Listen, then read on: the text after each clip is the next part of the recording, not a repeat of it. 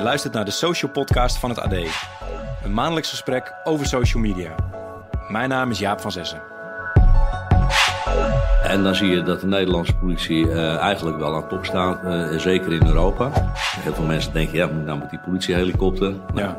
Vanaf het moment dat we zijn gaan twitteren, kregen we geen vragen meer van de burger van waarom zit dat ding s'nachts boven mijn woning, want ik kan niet slapen. En jeugd zit tegenwoordig veel op Snapchat, dus onze eh, jeugdagenten gebruiken veel Snapchat, want daar bereik je die doelgroep. Nou, wij verwachten van onze politiemensen dat ze zich op social media eh, betamelijk gedragen. Ik stuur echt op de professionele vrije ruimte van de medewerker. Ja, dus er was een afgehakt hoofd gevonden. En hoe hebben jullie dat toen ingezet?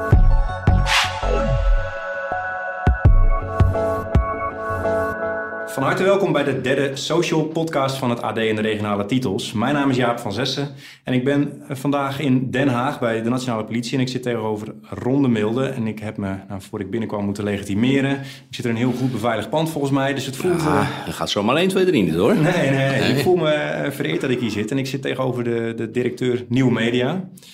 Ehm was mijn eerste vraag eigenlijk Nieuwe Media. Wat, wat verstaan jullie eronder? Want Ja, we, noemen het nieuwe media en digitale dienstverlening. En eigenlijk eh, wat we onder nieuwe media verstaan, ja, dat is natuurlijk social media, dat begrijpt iedereen wel. Ja. Maar eigenlijk is, zijn het alle vormen van eh, de nieuwe vormen van communicatie, anders dan de, de traditionele media als print, krant enzovoort. ja, ik zag bijvoorbeeld ook de website dat die eh, genomineerd is. En dat eh liet u Nou, dat is zeg maar de online activiteiten. Maar, maar misschien wel aardig om te vertellen, want anders dan kan je het verhaal misschien direct niet zo goed framen hoe we daar wat dat betreft in de wedstrijd zitten. Ja, Kijk, kijk, weet je, hoe ik er echt naar kijk is, eh, eh, de wereld is enorm veranderd de afgelopen 10, 15 jaar. hè. We hebben nog maar 15 jaar, 20 jaar hebben we een mobiele telefoon.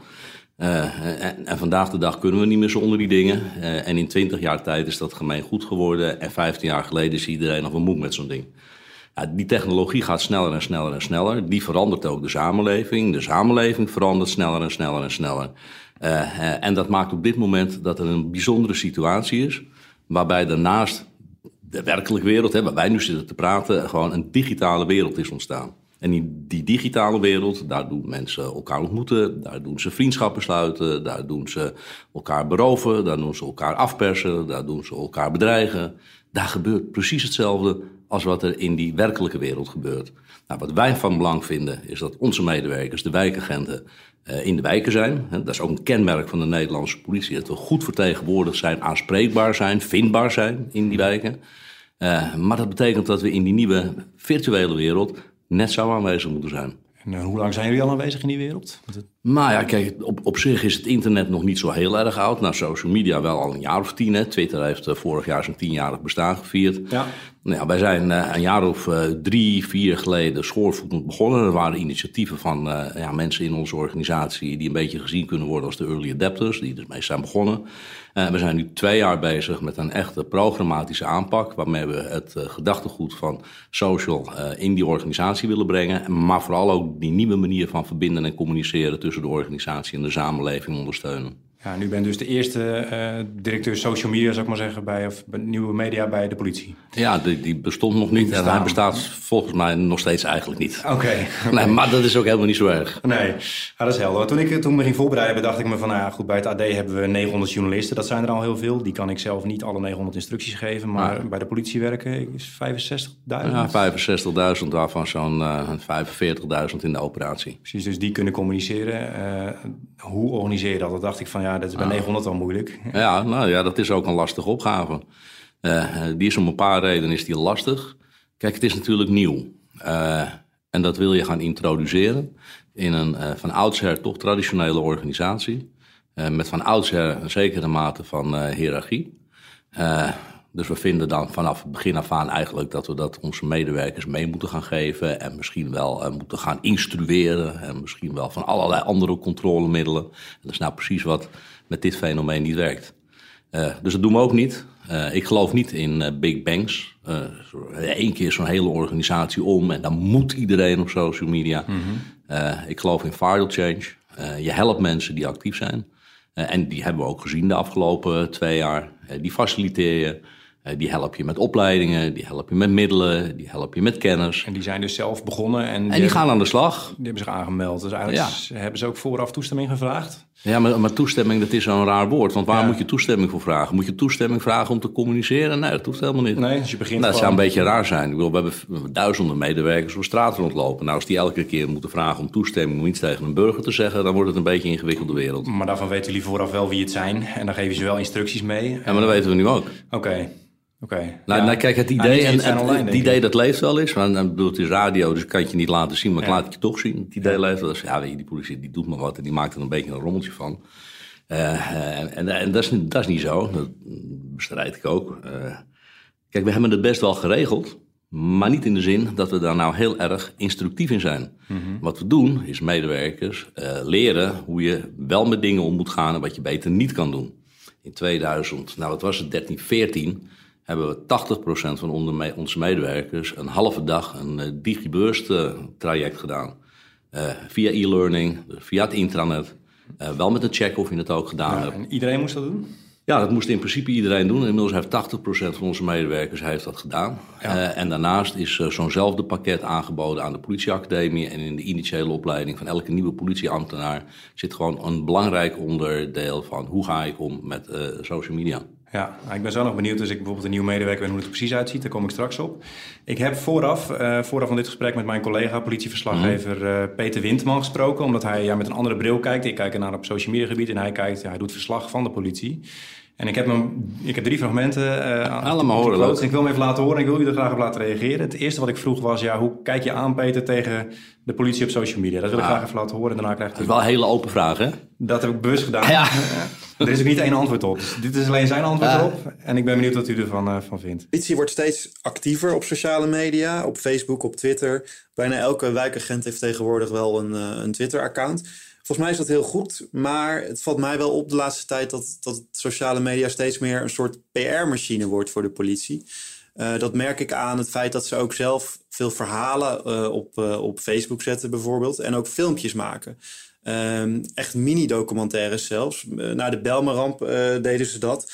En ja, daarvan vraag ik me wel af, is dat nou eigenlijk wel nodig? Ik bedoel, de politie zit krap bij kas. er komen veel taken op het bordje van de politie.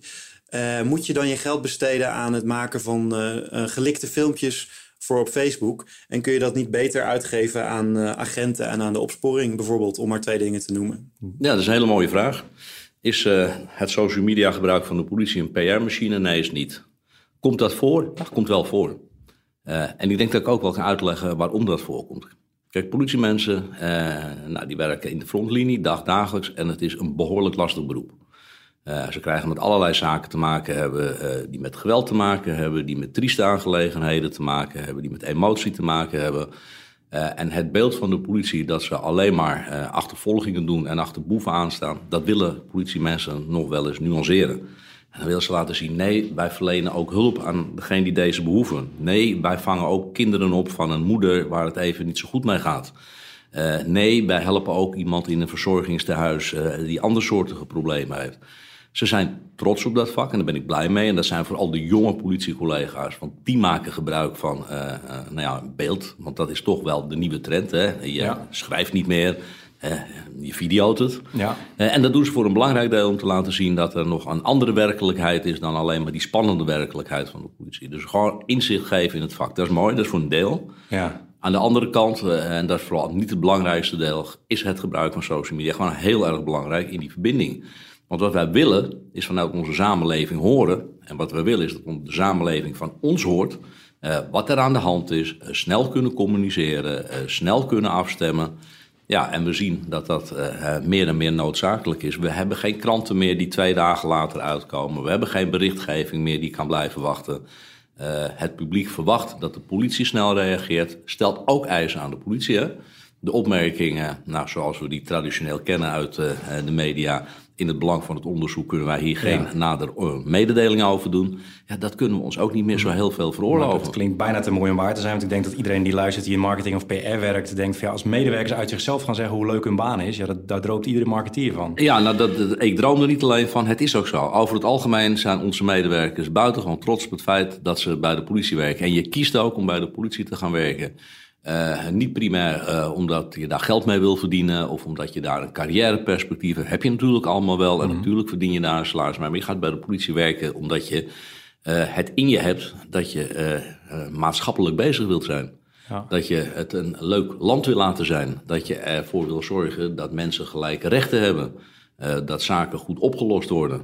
Ja. dat het een beetje veilig wordt. En ik zeg ook altijd tegen onze mensen, en bij mij werken ook een aantal mensen in de IT ja, jullie zijn geen IT'ers. Jullie maken Nederland veilig. maar dat, dat heb ik bij het AD natuurlijk ook met mensen die daar werken. Die vertellen dat die zijn bekend met media. Dus ik ben altijd heel blij als zij het AD vertegenwoordigen uh, als merk op hun account. Dus ja, alleen dan nog ja, is maar de vraag hoe vaak noemen ze dat. Dus ik ben wat dat betreft jaloers op uh, hoe jullie dat ingericht hebben.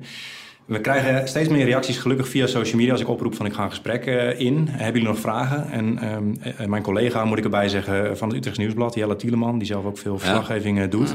Die kwam met de tweet van, ja, met welk doel zitten jullie op social? Dus social kennen we, PR hebben we ook benoemd. Maar uh, klantenservice, dat hebben we nog niet uh, Nee, de webcare, nou ja, we doen het een beetje maar begrijpen onder de titel webcare. Mm -hmm. Kijk, wij begrijpen heel goed dat die, hè, daar begon ik al mee dat die wereld aan het veranderen is. Hè. Uh, de oude telefoon zal langzaam maar zeker verdwijnen. Waarschijnlijk hebben we over tien jaar niet eens meer een smartphone, maar hele andere dingen als lensjes of knopjes of andere toestanden. Uh, uh, en we zien natuurlijk ook dat mensen het contact met de organisatie zoeken op een andere manier dan alleen maar willen bellen. Hmm. Heel veel jongeren hebben al geen beltegoed meer op hun telefoon. Er zijn providers die bieden abonnementen aan met alleen maar databundels. dus je ziet dat er verwachting is en een verschuiving is in de maatschappij dat we van kunnen praten, bellen naar kunnen teksten. Nou, dat hebben we eigenlijk het eerste echt ondervonden ongeveer anderhalf jaar geleden. Toen we onder opsporing verzochten een televisieprogramma elke dinsdagavond. Kijken toch 1,3 miljoen mensen naar. Ja. Dat we besloten om daar een second screen oplossing onder te bouwen. Live.politie.nl. Dat was een experiment. We wisten niet wat het zou worden. met moderatie, denk ik. Nee, er zit niet echt moderatie in. Eigenlijk uh, loopt het mee met de uitzending uh, en, en de, de presentatie aan Nico. Uh, en je kunt op je uh, tablet of op je, op je smartphone kun je volgen nou, en de beelden nog een keer terugzien en de foto's ja. wat uitvergroten, maar ook een melding doen. En gelijk een tip doen en dat opsturen. Ja, en dan wel een privébericht neem ik aan. Dus niet dat die in beeld komt. Nee, nee, dat komt niet in beeld. Je stuurt gewoon okay, een bericht ja. naar, naar Hilversum, zal ik maar zeggen. Ja, okay. In plaats van dat je belt. Oh, okay, ja, gewoon. En wat we de laatste tijd zien, is dat we meer tips krijgen via dat middel. Uh, dan dat we dat via het belpanel krijgen. Dus je ziet een beweging van bellen naar op een andere manier. Mensen zijn gewend aan WhatsApp, mensen zijn gewend aan messaging, mensen, zijn gewend aan Facebook. En die willen ook de politieorganisatie op die manier kunnen bereiken. En dat willen wij ook. En zit er verschil in waar jullie op reageren? Als ik uh, anoniempje 123 ben of Jaap van Zessen op Twitter? Nou, op dit moment uh, is het zo dat we nog niet in heel Nederland reageren. We zijn wel bezig met wat experimenten in Midden-West-Brabant, Zeeland. Hè. We hebben tien eenheden bij de politie, tien gebieden, zeg maar, geografische gebieden. nou, daar kun je via WhatsApp de politie bereiken. Uh, we hebben natuurlijk uh, de, het corporate account, hè, politie, at politie. Ja, daar kun je niet echt iets aan melden. We zijn wel bezig om dat te gaan organiseren. Dat moet ook. En we beginnen eigenlijk, laat ik hem anders uitleggen, want anders wordt het ingewikkeld. Ja. We hebben vier niveaus, vier manieren van het gebruik van social. Persoonlijk, dat zijn de wijkagenten. 22, 2300, vooral gericht op hun wijk. Hun wijk is 5, 6, 7000 inwoners. Dan hebben we de Facebook-accounts. De Facebook-accounts zijn voor de steden, de dorpen, eh, groter voor de basisteams. Ja. We hebben 167 basisteams. Elk basisteam heeft zijn Facebook-account. Dat is voor algemene informatie. Mensen die vinden dat de kruising niet veilig is, dat er hanggroep jongeren daar staan. Weet je, over de, het hele gebied, zeg maar. Zijn er eisen aangesteld? Dus een minimum aantal berichten per week of zo? Nee, er zijn geen eisen aangesteld. De eisen die eraan gesteld zijn, het moet duidelijk herkenbaar zijn als van de politie. Dus het moet voldoen aan een vaste huisstijl. Ja. Uh, uh, natuurlijk monitoren we het. Dus als we zien dat het te weinig gebruikt wordt, dan ondersteunen we daarbij. Dan zeggen we, goh, kunnen we je helpen? Is er wat aan de hand? Uh, lukt het niet? Ben je er angstig voor? vind je het ingewikkeld? maar daar verder zijn daar geen eisen aan. En die Facebook-accounts die worden heel veel gebruikt. Ja, dus iedereen die luistert heeft een eigen, uh, of in heel Nederland is er een Facebook-account van je eigen stad, regio. Van je eigen stad, regio, je eigen basisteam is er een uh, Facebook-account uh, aanwezig. Oké, en, nou, en de jeugdagenten. Twitter ook, als ik gelijk door. Ja, Twitter ook, maar Twitter dat is vooral voor de wijkagenten. Oké, dus want Twitter Facebook, zijn de korte berichtjes via de wijkagent. Ja. Facebook is voor de basisteams. Dan hebben we nog Facebook en Twitter, dat is voor de thema-accounts. Bijvoorbeeld de politiehelikopter. Ja. Uh, hartstikke belangrijk. Hè? Heel veel mensen denken, ja, moet nou met die politiehelikopter? Nou, Ja. Vanaf het moment dat we zijn gaan twitteren, kregen we geen vragen meer van de burger van waarom zit dat ding s'nachts boven mijn woning, want ik kan niet slapen. Ja, nu heb ik dat zelfs pas ondervonden. Toen ging ik ook kijken, maar toen dacht ik, ja, ik wil eigenlijk politie eh, helikopter Utrecht, want ik woon in Utrecht zien. En ik hoef hem niet te weten als die boven Leeuwarden. eh, Nee. Maar dat is één account dus. Ja, maar die, die dingen die vliegen gewoon over Er het hele land heen. Ja, is- dus ja, daarom ja. noemen we het ook niet een geografisch account, maar een thema-account. Ja, ja. Uh, en dan hebben we nog de corporate accounts. En dat zijn- Eigenlijk zitten we nu in een situatie dat we wel wat interactie hebben uh, via die accounts, maar nog niet genoeg. Dus dat moeten we gaan uitbouwen. Een van de opdrachten van de core chef is: zorg ervoor dat op niet al te lange termijn, en dan denk ik van anderhalf, twee jaar, de servicecentra, en dat zijn de telefoontjes 0900 8844, waar mensen nu naartoe bellen met niet spoedeisende dingen, dat je daar terechtkomt via social media kanalen. Ja. Dus daar moet je naartoe kunnen twitteren, daar moet je met WhatsApp naartoe kunnen gaan, daar moet je met anders, en dan moet je ook antwoord krijgen. En binnen hoeveel tijd zou u dat... Na anderhalf jaar moeten we dat wel geregeld Ja, hebben. ik bedoel, binnen hoeveel tijd moet ik antwoord krijgen op mijn vraag ongeveer? Ideaal. Nou ja, dat ligt eraan hoe eh, dringend de vraag is. Kijk, normaal gesproken zitten we op dit moment op een antwoord van eh, eh, maximaal twee uur. Oh. Dus zeg maar alle berichten, alle digitale berichten die binnen bij de servicecentra binnenkomen. En dat kan een e-mailbericht zijn of dat kan een ander bericht zijn. eh, die worden eens per twee uur afgewerkt. Ja, nou, dat klinkt als een normaal eh, Dus, bedrijf, eh, zou ik maar zeggen. Dat is absoluut normaal. Ja, Ja, dat is netjes. En dan een beetje met uitzondering van de nacht. Hè? Want het is over het Dat algemeen is het ja. van eh, 7 uur s morgens tot 11 uur s avonds. Logisch, ja. Ik hoorde ook een interview eh, met u op Radio 1 en toen zei u aan het einde ging het over Engeland, dat u daar naartoe zou gaan om iets voor social media te doen, dacht Nou, ik. was niet social media, dat was de website. Oh, het ging over de website, oké. Kijk, we, we hebben in 2012 hebben we 362 websites die toen nog in de oude politie, er was nog geen nationale Ja. politie, waren er 362 websites. Ja. Beverwijk Centrum, eh, Groningen Oost, eh, www, ik heb liever niet dat je bij me inbreekt.com. Ja, ja. Eh, en die hebben we allemaal weggehaald en we hebben één Ja. herkenbaar politie.nl van wil, ik dat, wil ik dat punt van die website heel even overslaan. Ik ben op zich wel benieuwd hoe de politie in Nederland ervoor staat ten opzichte van het buitenland. Want het mooie is dat je overal natuurlijk politie hebt in elk land. Heeft u een beeld bij de social media accounts van andere Ja, landen? ik denk dat eh, er is ook onderzoek naar gedaan. Ik heb hem hier zo niet bij de hand, maar het is een onderzoek de van een jaar of twee geleden. Ja, Eh, en dan zie je dat de Nederlandse politie eh, eigenlijk wel aan top staat, eh, zeker in Europa. Ik denk op tweede plaats Engeland komt, als het om uh, social media dus. gaat. Nederland echt op één. en qua interactie en qua... Ja, überhaupt qua gebruik, qua geloof in het middel. en de visie dat je het ook moet gaan gebruiken in de verbinding met je burger. Kijk, wat, wat de Nederlandse politie heel goed doet, en daar ben ik echt, ook echt trots op, is dat ze begrijpt dat ze een politie is die de legitimatie bij de burger vandaan haalt. Wij noemen dat license to operate. Wij zijn geen staatspolitie die er is omdat de staat vindt dat de politie moet zijn. Wij willen een politie zijn waarvan de burger ons vergunt dat we die taak in het veiligheidsdomein uitoefenen. Eh, daarom willen we dus ook zo heel erg graag verbonden zijn in die samenleving. Dat is anders dan de Spaanse politie of de Franse politie. Daar kun je je volgens mij van alles bij voorstellen. Ja, als ik op vakantie ga, dan zie ik dat ze strenger zijn bij wijze van. Dat, dat voel ik wel. En wij willen meer in de verbinding zijn. Want Ja. wij vinden echt als je in de verbinding bent, Ja. dan heb je een wederzijds contact met elkaar. Dan wordt je reputatie daar beter door. Als je reputatie beter wordt, vinden mensen je een betrouwbare organisatie. Ben je een betrouwbare organisatie, is men meer bereid om jou te informeren, tips te geven. Eh, en let wel, we hebben onderzoek gedaan. 78% van de Nederlanders die we bevraagd hebben, en het waren er een paar duizend, zegt van...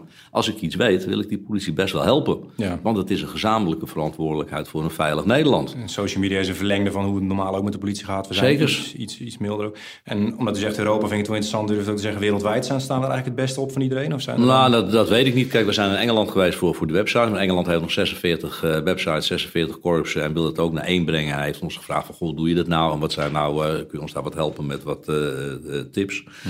Eh, de Amerikaanse politie gebruikt ook heel veel social media. En dat zie je ook natuurlijk als je gewoon Twitter volgt en Ja. de timeline volgt. Ik denk dat we in Europa echt koploper zijn. eh, eh, en ik weet het zeker van Duitsland, van Ja, België. Wereldwijd durft hij nog niet keihard. eh, Nee, wereldwijd ga ik niet heel hard op zetten. dit moet wel artikel. zeker weten. Oké, nee, precies. Weet je, er is al genoeg onwaarheid op social Ja. media. Ik Nou, geen onwaarheid gaan vertellen. Europa kopt ook lekker in ieder geval. Ik ben even benieuwd, stel dat ik bij de politie kon werken, in welke rol eigenlijk dan ook. Dat zal voor wijkagent waarschijnlijk anders zijn dan dat ik social media adviseur zou zijn of zo. Maar nou, u zei het al een beetje, maar wat krijg ik dan te horen over social media? Dus dan krijg ik een, e-learning van, van een halve dag? Of? Ja, het, eh, het ligt wat ingewikkelder. Maar ik kan het je wel laten zien. Ondertussen Ja. kan je dat, maar moet je dat maar zien te vertalen. Kijk, Ga proberen. wat ik net al zei, mensen denken van nou, het is wel een beetje allemaal maar bij elkaar. Weet je, dit is het totaalpakket. Er zijn een een, hele- behoorlijk aantal pagina's. Daar zijn eigenlijk alle richtlijnen in hoe de politie social media gebruikt. Een heel boekwerk. Dit gaat over Dit is geen voorschrift voor de collega's. Dit is niet van hoe moet je het doen. Maar dit zijn wel een aantal afspraken die we gemaakt hebben. Van hoe richt je nou een account in? Hoe ziet het er nou uit? Eh. Wie beheert het wachtwoord? Wie is er verantwoordelijk voor? Wat gebeurt er? Enzovoorts. Ja, er ligt een heftig boekwerk. Ik denk wel meer dan eh, 50 pagina's. als ik Ja, klopt. Ja. Ehm, en ik kan En me dat hoeven ze niet uit hun hoofd te leren hoor. Nee, maar het ligt in ieder geval vast en dat krijgen ze. En, nou, Nou ja, de- kijk, het, het ligt, eh, je, je kunt daarin kijken. Maar er staan wel een aantal zaken in waarin duidelijk is wie waarvoor verantwoordelijk is. Ja. Wat is de verantwoordelijkheid van de individuele agent? Wat is de verantwoordelijkheid bij het gebruik van social media van de leidinggevende? Wat is de verantwoordelijkheid van de afdeling communicatie? Ja. En dat is handig om dat gewoon een keertje op te Ik schrijven. snap dat het er ligt. Het zou wel, denk ik, eh, ik begrijp dat het er moet zijn. Alleen het werkt misschien een beetje ontmoedigend. Dus ik denk, oeh, 50 pagina's, laat dan even Twitter maar even zitten. Nou, daarom doe je dat net zoals je met service level agreements doet in andere dingen. Je Ja, maakt het een samen. keer, het ligt een keer vast en daarna pak je het op en dan leg je het in de kast. En dan denk ja. je, nou, als het een keertje nodig is, dan ga ik het wel pakken. Precies, dus als ik er echt iets van merk, dan is het een e-learning eigenlijk. En dan leggen jullie uit. Juist. Dus we hebben een aantal e-learning tegeltjes. E-learning tegeltjes die staan op het intranet via de politieacademie. Daar hebben we er inmiddels zes van. En die zijn gericht op de verschillende soorten functies. Ben je wijkagent, bij, bij de opsporing, heb je de recherche, werk je bij de ondersteuning. En dan kun je de e-learning tegeltjes volgen. En gaat het ook op het niveau van eh, hoe plaats je iets op Facebook? Of is het, eh, ga- gaan jullie er al vanuit van nou, als mensen Facebook gebruiken, dan weten ze wel hoe ze iets moeten plaatsen? Ja, we gaan mensen niet voorschrijven hoe plaats je iets op Facebook. Kijk, voor elke agent eh, eh, en elke medewerker in de, in de basis, die Twitter gebruikt bijvoorbeeld, hebben we die digibewustcursus gehad en hebben we korte filmpjes. Dus we hebben zes of zeven korte filmpjes van anderhalve minuut. Als we direct klaar zijn, laat ik je er een zien. Eh, zonder tekst, eh, een klein beetje humor, maar wat wel heel duidelijk aangeeft, je hebt een groot bereik met social media. Dus als je uitglijdt, glij je ook fors uit over Ja, het algemeen. absoluut. Wees nou verstandig. Als je bij een eh, huiselijk geweld bent geweest, twitter dan niet. Huiselijk geweld geweest. eh, man had losse handjes, hashtag schoft. Ja, dat, dat wil je niet. nee. Nou, zo hebben we alle wat voorbeelden waarvan je zegt van ja, logisch, logisch, logisch. Eh, maar dat leren we. Dan hebben we daar vijf niveaus van. Dat hebben we ook uitgewerkt. Die vijf niveaus, dat is eigenlijk van de agent tot aan wat meer deskundig, tot aan uiteindelijk de expertrol. Ja, Daar zijn opleidingen voor gemaakt. En die opleidingen moeten ook gevolgd worden als je in die functies en in die rollen werkt. Dus het werkt eigenlijk een beetje gelaagd. De, de, de mensen die eh, dagdagelijks ermee bezig zijn, wijkagenten, die kunnen volstaan met eh, nou ja, het, het digibewustzijn. Ja. Moet je meer gaan doen, want je gebruikt natuurlijk, want dat was de eerste vraag, waar gebruiken jullie social media voor? Ja, ook voor de opsporing. Ja. Eh, dan moet je wat meer deskundigheid hebben. Dan ga je naar het volgende niveau. Dan word je digibekwaam. Ja, dat vereist gewoon echt een zoekonderwerp. ik ben echt vooral benieuwd of mensen zelf iets doen. Dat, want dat vroeg Isaac Stefkerk op LinkedIn ook. Van hoe verre wordt het verplicht? Nee, er is niks verplicht, want verplicht werkt niet. Hè? Want Oké. dat, bedoel, dan gaan we terug naar de, waar- hoe we dit gesprek begonnen. Ja. Ik geloof in het feit dat eh, politiemensen professionals zijn. Eh, dat je social media als een gereedschap moet zien voor de politieman. Net als zijn pepperspray, zijn portofoon en zijn andere zaken. Om contact te leggen. Het is een communicatiemiddel met interactie. Ja. Eh, en als je dat gaat opleggen, eh, dan gaat het niet goed komen. Dat moet je ook niet willen. Dus het is geen verplichting. En moet ik als ik kom werken mijn privéaccounts opgeven? Want ik, moet, ik weet dat er een verklaring van goed gedrag nodig is als ik bij jullie wil Nou. komen werken. En hoe verre checken jullie wat ik gedaan heb op social media? Nou, nee, ja, dat zal misschien door onze afdelingen, eh, als je bij ons komt werken, gecheckt worden. Net zoals heel veel andere dingen, hè, de- je hypotheek en, en je financiële situatie en Waar ligt anderszins. dan de grens om het wel of niet te doen? Nou ja, dat, dat weet ik niet. We hebben een afdeling integriteit. Die, die onderzoekt mensen en screent mensen op het moment dat ze bij ons in dienst komen. Daar heb ik niet zo gek veel mee van doen. Nee.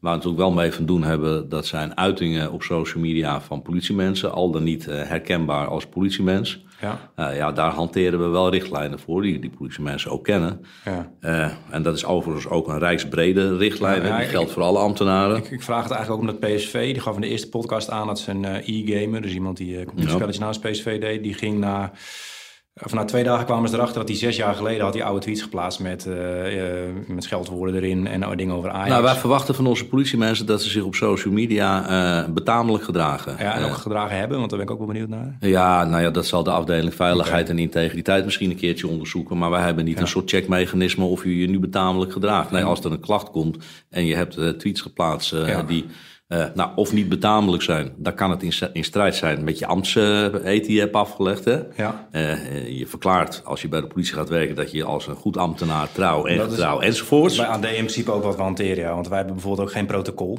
Nee, wij ook niet. en daar ben ik heel blij mee. Alleen, ik ook. We gaan het pas introduceren op het moment dat iemand echt overschreven gaat. Want dan ja. zal het moeten. En de politie, de kans dat er iemand... Omdat er meer mensen werken, is die kans dat er bij de politie iemand overschrijft. Nou, die, die kans die is er. Uh, maar eigenlijk weten al onze politiemensen, ja, je hebt je ambtsplicht, hè, je ambtseet, je ambts uh, situatie. Maar, en daarnaast heb je gewoon de wet. En op het moment dat je beledigend bent, of discriminerende opmerkingen maakt, of anderszins uh, aanzet tot, ja. ja. weet je, dan val je gewoon onder het Nederlands strafrecht. En hoe ver mag je mening hebben? Dus hoef je niet te beledigen. Maar als ik een politieke partij, als ik zeg waar ik op stem, en dat kan links-rechts zijn. Nou ja, kijk, de politie moet op zich, en dat geldt voor alles, zo neutraal mogelijk zijn. Ja. nou ja, daar hoef je alleen maar te denken aan de discussie over hoofddoekjes en over andere uitingsvormen. Uh, dat geldt natuurlijk ook voor uiting in taal. Aan de andere kant mogen politiemensen wel opvattingen hebben. Ja. Uh, maar men moet wel altijd ermee rekening houden dat men altijd spreekt als zijnde een politieambtenaar. Noemt het van kunt, Je kunt geen scheiding maken tussen een privéaccount en een politieaccount. Oké. Ja, maar nu noemt het voorbeeld van de hoofddoekjes. Volgens mij was in Amsterdam iemand van de politie, meen ik, die dus ook uh, aangaf ja, dat ze het er ja, liever wel bij had. Of dat het wel moest kunnen. Is dat dan uh, iets wat niet mag eigenlijk? Nou ja, kijk, ik, ik vind dat opmerkingen die zeg maar niet betamelijk zijn of strafrechtelijk aangepakt moeten worden, daar wil ik niet over praten. Opmerkingen, meningen waarvan je met elkaar van mening kunt verschillen. Ik vind dat je daarover in gesprek moet gaan. Dat valt onder de professionele ruimte van uh, je medewerkers. Uh, en leidinggevenden, die gaan ook met die mensen in gesprek en zeggen: waarom doe je dat nou? en is het verstandig? en dan kun je twee situaties hebben. Of iemand zegt van ja, het is ook eigenlijk niet zo verstandig. Uh, ik, ik, regel dat verderop. Of het kan in strijd zijn met uh, het feit dat hij uh, bij zijn aantreden een ambtseed heeft afgelegd. Ja, oké. Okay. Helder verhaal. Je bent een bijzonder mens hè, als je bij de politie werkt. Je, je, hebt minder vrijheden dan, dan jij als nou journalist bij het AD. Ja, dat is waar. Dat klopt. Uh, andere vraag die binnenkwam via Twitter, Rutger de Kwaai, ook toevallig een, een collega.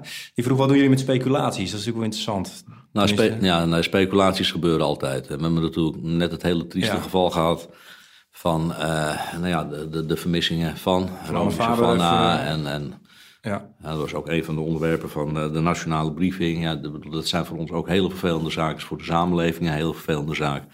En vooral in dat soort zaken zie je dat speculaties komen. En wat eigenlijk onze tegenreactie is snel reageren met uh, valide uh, informatie. En sommige speculaties lijken soms uh, hout te snijden. Er was één man die had een analyse gemaakt. Die zei van het regent een bepaalde tijd. Weet je, die, dat, ik weet niet nou, maar dat is, dat is interessant, want dat is een heel ander fenomeen. Op, waar, ja. waar, we toevallig ook vanochtend over gesproken hebben. Ja, dat heeft te maken met burgeropsporing. Mm -hmm. Kijk, waarvan je 30 jaar geleden nog zei van... nou, weet je, als er ingebroken is of mijn fiets wordt gestolen... of weet ik veel wat, loop ik naar de politie toe, doe ik aangifte... en de politie moet het ding doen. Maar dit is ook weer die veranderende samenleving. Uh, de, de, burger zegt van ik kan ook een aantal dingen zelf. Ja, mee dus eigenlijk. Eigenlijk begin ik al mijn eigen opsporingsonderzoek. Want als mijn fiets gestolen wordt, dan ga ik kijken op Marktplaats en of die aangeboden wordt. Als een iPhone gestolen wordt, dan is find, find my iPhone. Dat is vaak mensen zelf. Maar deze jongen wil echt helpen volgens mij. Of tenminste, ja, maar dat, dat, dat, dat zie je en dat is prima en dat omarmen we ook. Want dat is gewoon een kenmerk van deze tijd. Dit is de verandering van deze tijd. En nou was dit toevallig heel serieus aangepakt. Het zag er goed uit, dus ik kan me voorstellen dat je die snel oppakt. Maar als het nou iets anders eruit gezien had... Nee, maar dat gebeurt wel vaker. Ja. Uh, en we maken wel vaker mee dat uh, ook burgers zich verenigen... Uh, nou, neem dit geval. Er zijn mensen die willen gaan zoeken. Ja. Nou, dan ben je fysiek bezig. Uh, dat is prima. De politie heeft ook gezegd dat is goed. Laten we het nou wel een beetje coördineren. Uh, anders dan wordt het gedoe. Maar je hebt ook mensen die gaan speuren op internet. Uh, en daar heb je ook gereedschappen voor. Ja. mensen kunnen gewoon zoekopdrachten geven, Google gaan, profielen na. En dat gebeurt ook. En voor de voor de mensen die luisteren, wat doet de, ja, daar komen we straks misschien ook op, maar wat doet de politie zelf aan dat speurwerk? Ja, kijk, de politie heeft natuurlijk neem digitale recherches. Ja. Alle tiende eenheden, de geografische eenheden, zitten afdelingen digitale recherche. Ja, Natuurlijk speuren wij ook op eh, internet, want internet is een bron met heel veel informatie. Dus naast onze eigen informatie die we in onze eigen systemen hebben, gebruiken we ook open bronnen. ja. Open bronnen is overigens wat beperkt, want die zijn toch minder open voor de politie dan dat je zo zou denken. Want ja. we moeten ons daar ook gewoon echt aan wettelijke verplichtingen Ja, houden. Daar wil ik zo nog even iets over weten, inderdaad. Ehm, ik wil even vanuit het AD-rol iets, eh, wat me opvalt. Het AD heeft heel veel regiotitels, eigenlijk meer dan, eh, dan 15 regio-redacties, die weer heel veel regioredacties hebben. Dus die hebben informatie nodig, die moeten artikelen schrijven elke dag. En daarbij is de politie een enorme eh, bron van ja, input, zeg maar. En enorm, vooral social media van de politie is een heel makkelijk, Ja. makkelijke manier om nieuws te vinden. Dus we zijn er denk ik als AD ontzettend blij mee. Eh, en daar bent u zich denk ik ook wel bewust van. Dat weten we. Ja. Dus dat vinden we ook niet erg. Nee, dat kan ik me voorstellen. Ehm nou, dat, het PR-stukje hebben we al gevonden. Ehm, maar in hoeverre, zeker regionaal, eh, ja, jullie, jullie zijn er bewust van. Ehm, in hoeverre geven jullie informatie mee? Van, joh, als jullie nou als wijkagent iets plaatsen, besef dat het via de regio misschien op ad.nl komt en overal opgepikt wordt in Nederland. Dat is een beetje het spelletje in de Ja, maar media. dat is niet erg, want we vinden eigenlijk dat alles wat je plaatst, daarvan moet je nadenken. eh, dat dat een hele snelle vermenigvuldiging kan krijgen. Ja. Eh, dus je maakt geen verschil van het ene bericht of het andere bericht. Weet je, onze medewerkers zijn professionals. Daar ga ik echt van uit. Mhm. Ik kan dit niet genoeg benadrukken. Die mannen die werken op straat met z'n tweetjes of met alleen. En die moeten beslissingen nemen in een fractie van een seconde. Daar loopt echt geen baas bij. En er loopt niemand te zeggen hoe ze dat nou moeten gaan doen. Ja. En dan is het idee van ja, maar als je dan op social media moet gaan doen, dan moet er een redactie komen en dan moeten er protocollen komen. Ja, dat is natuurlijk totale onzin. Nee. Want ik stuur echt op de professionele vrije ruimte van de medewerker. En die medewerker ondervindt zelf, en dat is onze ervaring de afgelopen twee jaar, welk baat hij heeft bij het inzet van het middel, hoeveel nut het heeft, hoeveel tips die binnenkrijgt, hoeveel beter de verbinding die krijgt met de wijk, hoeveel meer informatie. En dan gaat hij het leuk vinden. En als het een keertje misgaat, nou, dan merkt hij vanzelf dat het misgaat. Ja, en en als het opzettelijk misgaat, dan gaan we in gesprek. Eh, en uiteindelijk kun je zeggen van, joh, stop er nou maar mee als het nou wel heel veel misgaat. Maar laat mensen alsjeblieft ontdekken, dit is nieuw. Je moet je veilig voelen om het te doen. Er moet niets op zitten van als het fout is, dan, is, dan, dan krijg je straf. Is het wel eens iemand ontslagen om die reden? Nee, er, is, nee. er zijn wel gesprekken gevoerd. Ik bedoel, en daar kun je zo de voorbeelden van eh, noemen en die weten wij ook natuurlijk. Ja. Eh, maar wat veel belangrijker is, is dat je in gesprek gaat met de medewerker. Waarom? Kijk, het voorbeeld, dat stond ook in eh, dat gesprek met de NPO. Een medewerker plaatst een foto van zijn vuurwapen. Hij, hij is net omgeschoold voor een nieuw vuurwapen. En dan zegt hij, dit is mijn beste vriend. Nou, Daar komt dan een hele negatieve stroom van reacties op. is ook helemaal niet zo goed. Eh, en de beste manier om erop te reageren is eh, heel snel met die betrokken collega die dat plaatst in gesprek te gaan. Met hem te bekijken van ja, weet je, hoe komt het nou? Was dat nou heel erg gelukkig? En in eh, nou, tien van de tien gevallen zeggen de collega's zelf wel van ja, nou, weet je, ik had het niet verwacht, ik heb het niet overzien. eh, eh, ik dacht dat het wel grappig was. Het nadeel is alleen dat jullie natuurlijk heel erg onder vergrootglas liggen. Dus ja, maar dan moet je snel terugreageren Ja. eh, en daar, daar, daar ook niet ingewikkeld over doen. Weet je, weet je, niet goed is niet goed. Ja. Zeg dan ook gewoon dat het niet goed is. Ja, in die zin, qua wat ik net al zei, van de politie is een om jaloersmakend soms qua publiciteit, wat ik net noemde eigenlijk. Dus je kan enorm snel publiciteit genereren en ook enorm snel ja, negatieve publiciteit. Ja. Dus in die zin zijn jullie, denk ik, voor marketeers enorm interessant. Wat doet de politie? Want in kleine vorm is eigenlijk elk bedrijf op dezelfde manier eh, ingericht. Alleen jullie zijn nog veel groter. eh. Ja, het verschil is alleen, wij verkopen niks, maar de principes zijn wel redelijk hetzelfde. Ja. Want een marketeer en, en iemand die een commerciële site heeft, of PSV, ja, die wil ook een, een relatie hebben Ja. met zijn buitenwereld. Want die wil dat jij iets koopt en dan krijg jij spullen en dan krijgt hij centen. Precies, ja, dat is wat de marketeer doet. Ik noem Maar onze wereld zit ook zo in elkaar. Hè? Ja. Wij geven informatie, wij betrekken en wij willen informatie terug. Ja. Ik wil even weer terug naar Peter Winterman. Ik heb hem om eh, positieve voorbeelden gevraagd en negatieve voorbeelden. Waar wilt u mee beginnen? Want u, eh, Negatief, altijd leuk. Negatief, ja, vind ik het leukste. Eh, even het onderdeel, eh, wat kan er misgaan op social media? Ik heb even een, eh, een klein fragment van Peter. Elke wijkagent zit zo'n beetje nu op Twitter. En wat ze vaak doen is eh fotootjes plaatsen van eh, acties waar ze eh, bij zijn. eh. en dat gaat niet altijd goed, omdat ehm, er ook foto's worden geplaatst van slachtoffers en daders of verdachten. Die heel herkenbaar zijn. Dus dan uh, bijvoorbeeld in september was een wijkagent in de eenheid Rotterdam die een foto uh, op Twitter gooide van een meisje, een dronken meisje, wat op het dak van haar auto stond te dansen. Nou, dan was dat een hele grappige foto. Maar ja, dat meisje was er natuurlijk niet zo blij mee dat haar foto, toen ze weer nuchter was, om zichzelf op dat dak van die auto te zien dansen. En je vraagt je ook af, ik vraag me af of dat meisje dat wel verdient. Het is natuurlijk niet goed wat ze doet. Maar om zo aan de schandpaal te worden genageld, ja, dat is natuurlijk ook niet goed. Um, en je hebt de bekende politievloggers Jan Willem en Tess. Uh, zij maken hele mooie vlogs waarin ze ook veel laten zien wat de politie eigenlijk doet. Alleen ook daar uh, ja, is onderzoek gedaan en blijkt dat er echt wel vaak de privacy van mensen wordt geschonden. Dus uh, ja, verdachten die herkenbaar in beeld komen of ook straatnamen waardoor je toch kan zien waar iemand bijvoorbeeld woont terwijl die wel geblokt is, zijn gezichtje. Maar toch, of zijn gezicht toch geblokt is, maar ja, je ziet het toch wel uh, waar die persoon vandaan komt en dat is natuurlijk ook niet goed. Um, dus dat zijn dingen die echt wel beter kunnen. Helemaal eens. Ja, ja dat, is heel, dat is een heel vervelend antwoord. Dat ja. begrijp ik wel. Ja. Ik ben het daar helemaal mee eens. Kijk, natuurlijk gebruikt de politie beeld. Foto's, uh, nou, de vlogs van Jan Willem, nou, van Tesso. Is dat natuurlijk?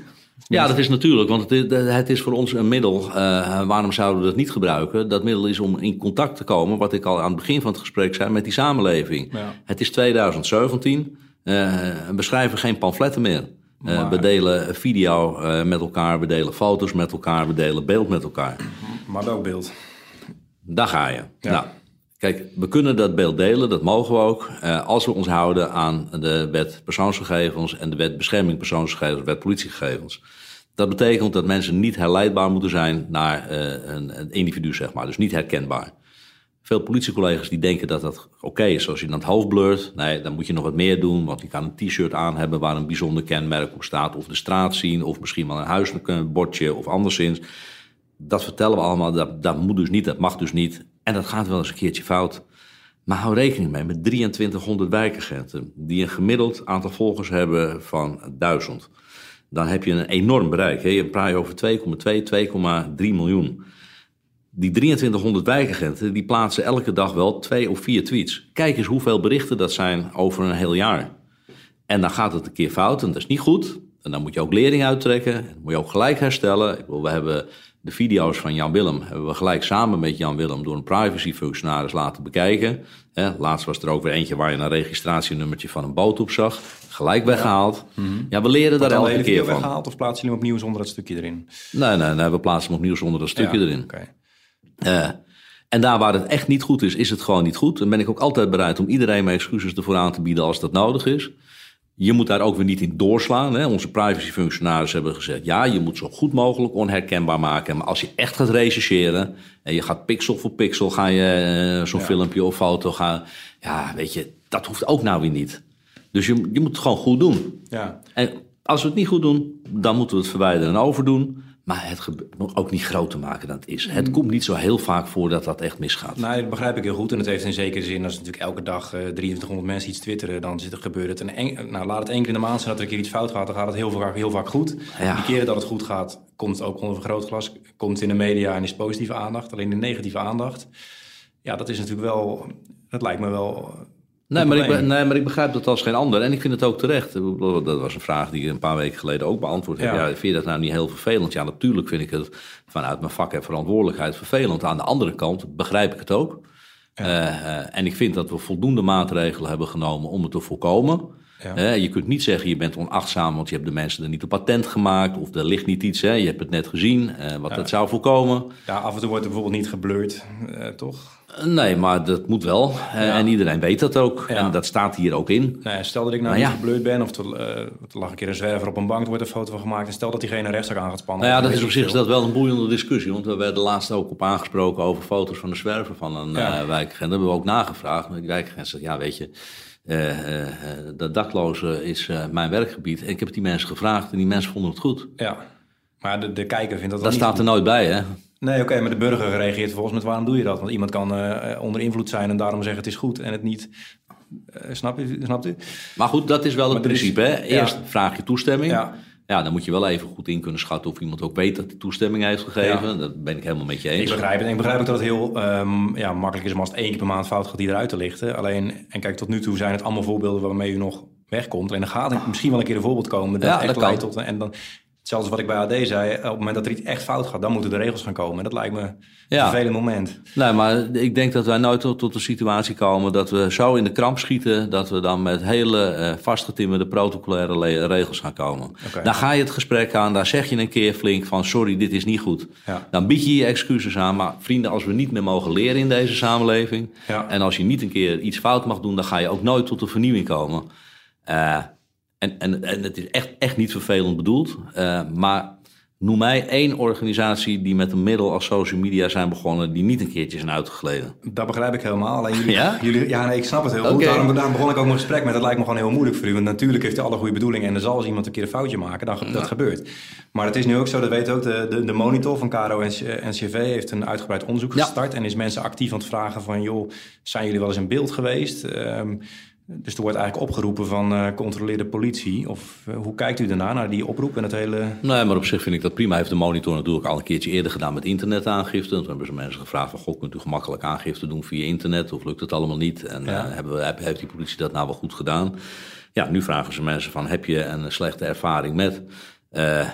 Ik vind dat prima, ik begrijp dat ook. Kijk, Ja. iedereen heeft in de samenleving zijn verantwoordelijkheid. Hè? Eh, KRO, NCRV, een televisieprogramma maken. willen ook eventuele misstanden aan de kaak stellen. macht, ja. Geeft ook absoluut gewoon heel netjes de gelegenheid om daar weerwoord op te geven of daarover in gesprek te gaan. Ja. Ja, daar ga ik graag over in gesprek, zal ik ook doen. Ja, Eh, maar wel in de zin van, ja, eh, wij staan wel achter het middel. Ja. Wij gaan niet opeens hierdoor onze mensen protocoleren of meer onder controle brengen of redactieslagen gaan aanbrengen. Ik geloof echt in de professionaliteit van onze collega's. Geef ons de kans om te leren en excuus als het een keer fout gaat. Ja, dus dat ver- er verandert niks doordat zij Nee. dan- dat jullie weten van overliggen onder een vergrootglas. We worden nog sneller. eh, Nee, maar dan, dan zou je in de kramp gaan schieten. En wat je Ja. precies niet wil met dit soort ontwikkelingen, is dat je in de kramp schiet en dat je weer allerlei maatregelen van bovenaf moet gaan nemen. Want je wil dat de medewerkers hun eigen verantwoordelijkheid en hun eigen volwassenheid en hun eigen geloof in de inzet van middelen tot wasdom kunnen brengen. helder. Dus richting eh politiemedewerkers zegt u schrik niet van dat onderzoek. Schrik niet van het onderzoek. Ga vooral verder. waar Ja, je zeker. Maar, let- maar let op, hè. we hebben de tegeltjes. Je kunt dingetjes leren. Je kunt het vinden op ons eh, intranet. Ja. Dus bekwaam jezelf ook een klein beetje. Hè. Ja, bedoel, om een vuurwapen te dragen moet je ook eh, instructie krijgen, oefenen. Eh, om dit middel te gebruiken is een gereedschap van de politie. Doe even de moeite om ook daarin te oefenen en te Ja. leren. En eh, bij een goed verhaal kan ik me voorstellen wat er gebeurt. Stel dat er nou een heel negatief verhaal heel snel via een regio bij AD terechtkomt, landelijk nieuws. Hoe ziet zoiets eruit dan bij jullie? Als negatief nieuws binnenkomt? Nou, we hebben afgesproken, eh, we zijn ook met elf eenheden. En elke eenheid heeft een communicatieafdeling. En we hebben op één A4'tje, anderhalf A4'tje hebben we, nou ja, dat is wat protocol van als het zich nou zoiets voordoet, wat is dan de beste manier om te handelen? Nou, en dan is het snel reageren, eerlijk reageren, transparant reageren, eh, proberen de kou eruit te halen. Eh, eh, niet krampachtig, maar vooral snelheid en eerlijkheid. En bellen ze u altijd? Van er stond iemand Nee, dansen? nee, nee, nee, Dus kunnen ze nooit. allemaal zelf oplossen? Ja, nee, zelf doen. Oké. Ja. Oké, en het is niet dat u drie dagen later nog even belt en Nee, ik eh, me, nee, nee, ik nee? me daar niet mee. Kijk, wat wij doen is zoveel mogelijk faciliteren dat een organisatie met social media aan de slag gaat. Het is niet een organisatieonderdeel eh, wat in de operatie dingen bepaalt, zal ik maar zeggen. Dus we organiseren eh, webinars, we organiseren opleidingen, we organiseren een beleid. Eh, we hebben een project implementeren op de basisteams. We hebben webcare als een apart, we hebben ICT als een apart Ja. project. En daarmee enabelen we de organisatie. Maar de organisatie zelf moet het gaan doen. En de lijn, dat klinkt natuurlijk een beetje technisch en manager, begrijp ik wel, maar de lijn is verantwoordelijk. Oké. Ehm, die vraag van die zwerver, dat was op zich vond ik wel grappig. Die kwam binnen via de Blanke Bogarde. Ik weet niet of je voetbal volgt, maar hij is op Twitter heel eh, een groot Twitter-account. Nou, ik weet dat heel veel mensen voetbal volgen, maar als je jarenlang commandant van een mobiele eenheid bent geweest, Ja. die elke zondag bij een betaald voetbalorganisatie staat, dan leer je dat een beetje af om, ervan daarvan te houden. Oké, nou dat is ook een mening, maar ik begrijp dat die... eh, maar eh, die jongen heet de Blanke Bogarde, heeft heel veel volgers. En wat wel grappig is, niemand weet eigenlijk wie het is. Ehm, het gaat niet om dit voorbeeld specifiek, maar hij twittert eigenlijk op een normale manier. Heeft veel volgers, maar eh, zouden jullie kunnen achterhalen hoe hij het echt heet, bijvoorbeeld? Als dat mag, dan zouden we dat denk ik wel kunnen. En wanneer mag het? Nou, wanneer het mag, ik bedoel, dat is bepaald in de wetgeving. Eh, ook voor het zoeken op internet gelden een aantal wettelijke regels. Ik, wil, ik mag niet zomaar, zonder dat daar aanleiding toe is, jouw telefoongegevens opvragen. Of andere soorten gegevens opvragen. Dus op het moment dat het strafrechtelijk, hè, wij noemen het strafrechtelijk uh, speuren, Ja. dat dat nodig is, dan kun je een aantal dingen zelf doen. De basis, eenvoudig. Maar er zijn ook een aantal dingen, als je dieper wilt gaan zoeken, daar heb je echt een machtiging voor nodig. Heb je een officier van justitie voor nodig, desnoods een rechtercommissaris voor nodig. Die waarborgen zijn er maar zo. Je kunt als politie ook niet zomaar Nee. op het internet maar van alles doen eh, wat je denkt dat je daar moet doen. Dus in die zin kunnen jullie bij dezelfde informatie als wij, mits er een, een bevel komt of Nou, zo? ik denk dat, jullie, dat de, gemiddelde burger daar gemakkelijker bij kan Ja. dan dat wij erbij kunnen. Want let wel, eh, we hebben gewoon te voldoen aan eh, wettelijke bepalingen. Mhm. Als je een aantal keren achter elkaar hetzelfde Facebook-account bezoekt van iemand, dan kun je je al de vraag stellen of je niet eh, stelselmatig aan het observeren bent. Ja, En om dat te mogen, heb je weer andere eh, toestemmingen nodig. Ja. Dat hebben we ook uitgewerkt. En in matrixes, nou, verder niet zo interessant, is Nee. voor de vakmensen interessant. ja. Ah, daar staat wel precies in wat mag wel, wat mag niet. Onder welke omstandigheden, welke toestemmingen zijn er voor nodig. En het idee, de politie mag maar gewoon alles breed uitzoeken, dat is niet correct. Hoe vaak in een jaar zal de politie eh, Twitter bijvoorbeeld... Hebben jullie een lijntje met Twitter ook? Hebben jullie een lijntje met Facebook? Ja, mijn lijntje met Twitter en met Facebook. En eh, als het echt nodig is, dan kunnen jullie dus erachter komen wie iemand is en waar die vandaan... Of, Ja, maar dan, ook, dan moet dat toch ook wel heel vaak gewoon via de eh, mogelijkheden die de wetje biedt. En als de wet toestemming geeft, maar dan kunnen jullie er wel achter komen wie er ooit een account geopend heeft. En Soms heb je daar een machtiging voor nodig, eh, heb je daar toestemming voor nodig. Eh, je moet altijd via de wettelijke bepalingen werken. Je kan niet zo eventjes bellen van, goh, ik ben bij de politie, Nee. mag ik even die gegevens van u? Dat begrijp ik. Maar hoeveel keer in een jaar vragen jullie aan Twitter mag gegevens? Of, ja, Ik heb geen flauw idee. Maar kijk, we hebben eh, landelijk hebben we een team high-tech crime eh, die dit soort onderzoeken doet. We hebben digitale opsporing op de 10 eh, eenheden. Eh, dat zijn teams van eh, 150 man ongeveer. En daar draaien al dit soort onderzoeken naar van eh, internetoplichting, eh, onderzoeken van, eh, eh, nou ja, ik bedoel alles wat je met internet kan doen, het zelf bedenken. Ja, ja. Nou, dat is de openbare informatie. Want zelf, en dat is, eh, haalt vaak, de, of tenminste, dat, vinden we leuk op ad.nl, met Wie is de Mol bijvoorbeeld, dat is iets heel anders. Een Ja. tv-programma daarin kijken naar openbare informatie, waar iedereen bij kan. Eh, en dan ga ik zoeken wanneer zijn er opnamen geweest, wie doen er mee. En kan ik dan vinden wanneer iemand eerder terug was in Nederland. Dat Ja, maar goed, dat, dan kun je gewoon zelf kijken. Hoe zit zijn Twitter-timeline met elkaar? Precies. Is die gestopt op enig moment? Ja. Is die weer begonnen op een ander moment? Ja, dan weet je het. Een beetje techniek achter of zo. Overigens mogen onze collega's dat ook. Hè? en tuurlijk. daar hebben wij ook een hulpmiddel voor. Dat noemen we half uur internetbevraging. Oké. En daarmee worden ze even aan de hand genomen om in een half uur een eenvoudige zoekslag te maken. Van, goh, weet je, kun je even iets meer te weten komen? Dat Ja. is ongeveer hetzelfde als de Wie is de Bol. Ja, want dat gaat natuurlijk in principe nergens over. Nee. Maar ik kan me voorstellen in een, een zoektocht van Anne Faber... dat er ook op openbare informatie gezocht wordt. Zeker. Hoeveel, hoeveel mensen van de politie zitten dan op zijn social media? In een onderzoeksteam, eh, dat valt gewoon onder de rechercheactiviteiten. Eh, en, en nou ja, goed, waar dat dan gebeurt, dat team digitale opsporing, die zal zich daarmee gaan bemoeien. En dat kunnen vijf, zes, tien mensen zijn, afhankelijk van de ernst van de zaak. Ja, oké. En die doen meer dingen dan alleen social media uit. Die doen meer dan alleen social media. Ja. Digitale opsporing. Hè? Ja. Kijk, digitale opsporing is ook eh veiliggestelde telefoons, veiliggestelde computers, in beslag genomen servers, in beslag genomen schijven onderzoeken. Ja. En dat allemaal op basis van wettelijke Moet je wel mogelijkheden en toestemming. Een redelijke kennis hebben, want ik doe het dan met social. Maar hoe het verder werkt, weet ik al niet. Nee, daar moet je echt deskundig voor zijn. Ja, En wil je het met social doen, dan moet je op dit lijstje hier op niveau 4 zitten. ja, ja oké. ja, dat is- dan zit ik al aardig op de En, en dan ben je echt heel goed. vier van de vijf. Dus eigenlijk ben- zou ik bij de politie al een goede baan Echt hebben. heel goed. Dat is mooi. Eh, wil ik ehm, heel even toe naar de goede voorbeelden. Want het is natuurlijk ook wel leuk om te kijken wat gaat goed. Eh, opvallend eh, dat ze het heel erg goed deden bij de vermissing van Anne Faber. Zij eh, was natuurlijk bijna twee weken vermist voordat haar lichaam werd gevonden. En in die tijd was de politie Utrecht op Facebook super actief. Veel mensen reageerden natuurlijk op de berichten die daar werden geplaatst met tips, met ideeën. Eh, waar Anne kon zijn of hoe ze haar konden vinden. En het viel mij op dat de politie daar ook echt op reageerde. Dus er was veel interactie op Facebook. Eh, en er werden zelfs tips nagetrokken. En vervolgens werd gezegd eh, ja, wat, daarmee werd, wat daarmee werd gedaan en wat daaruit kwam. En ja, dat vond ik wel heel, heel goed. En je kon ook merken dat mensen het fijn vinden dat de politie snel reageerde. dus zodat ze echt serieus worden genomen. En ja, volgens mij als je Facebook en Twitter wil gebruiken om ook tips te krijgen... moet je ook laten zien dat je het serieus neemt. En dat deden ze bij de zaak van Anne Faber Altijd mooi om te horen. Maar het is wel zo, ja. Ik denk dat het zo is. We zijn er ook heel blij mee. Ja, want we hadden het net al even over het gebruik maken van... en bijvoorbeeld ook Anne Faber. Alleen in dit geval noemt hij specifiek de reactie. Dus je kan natuurlijk iets insturen. Maar ook, jullie reageren dus op iedereen. Ja, maar dat is het meest belangrijke wat er is. En toevallig hebben we daar vanochtend ook over gesproken.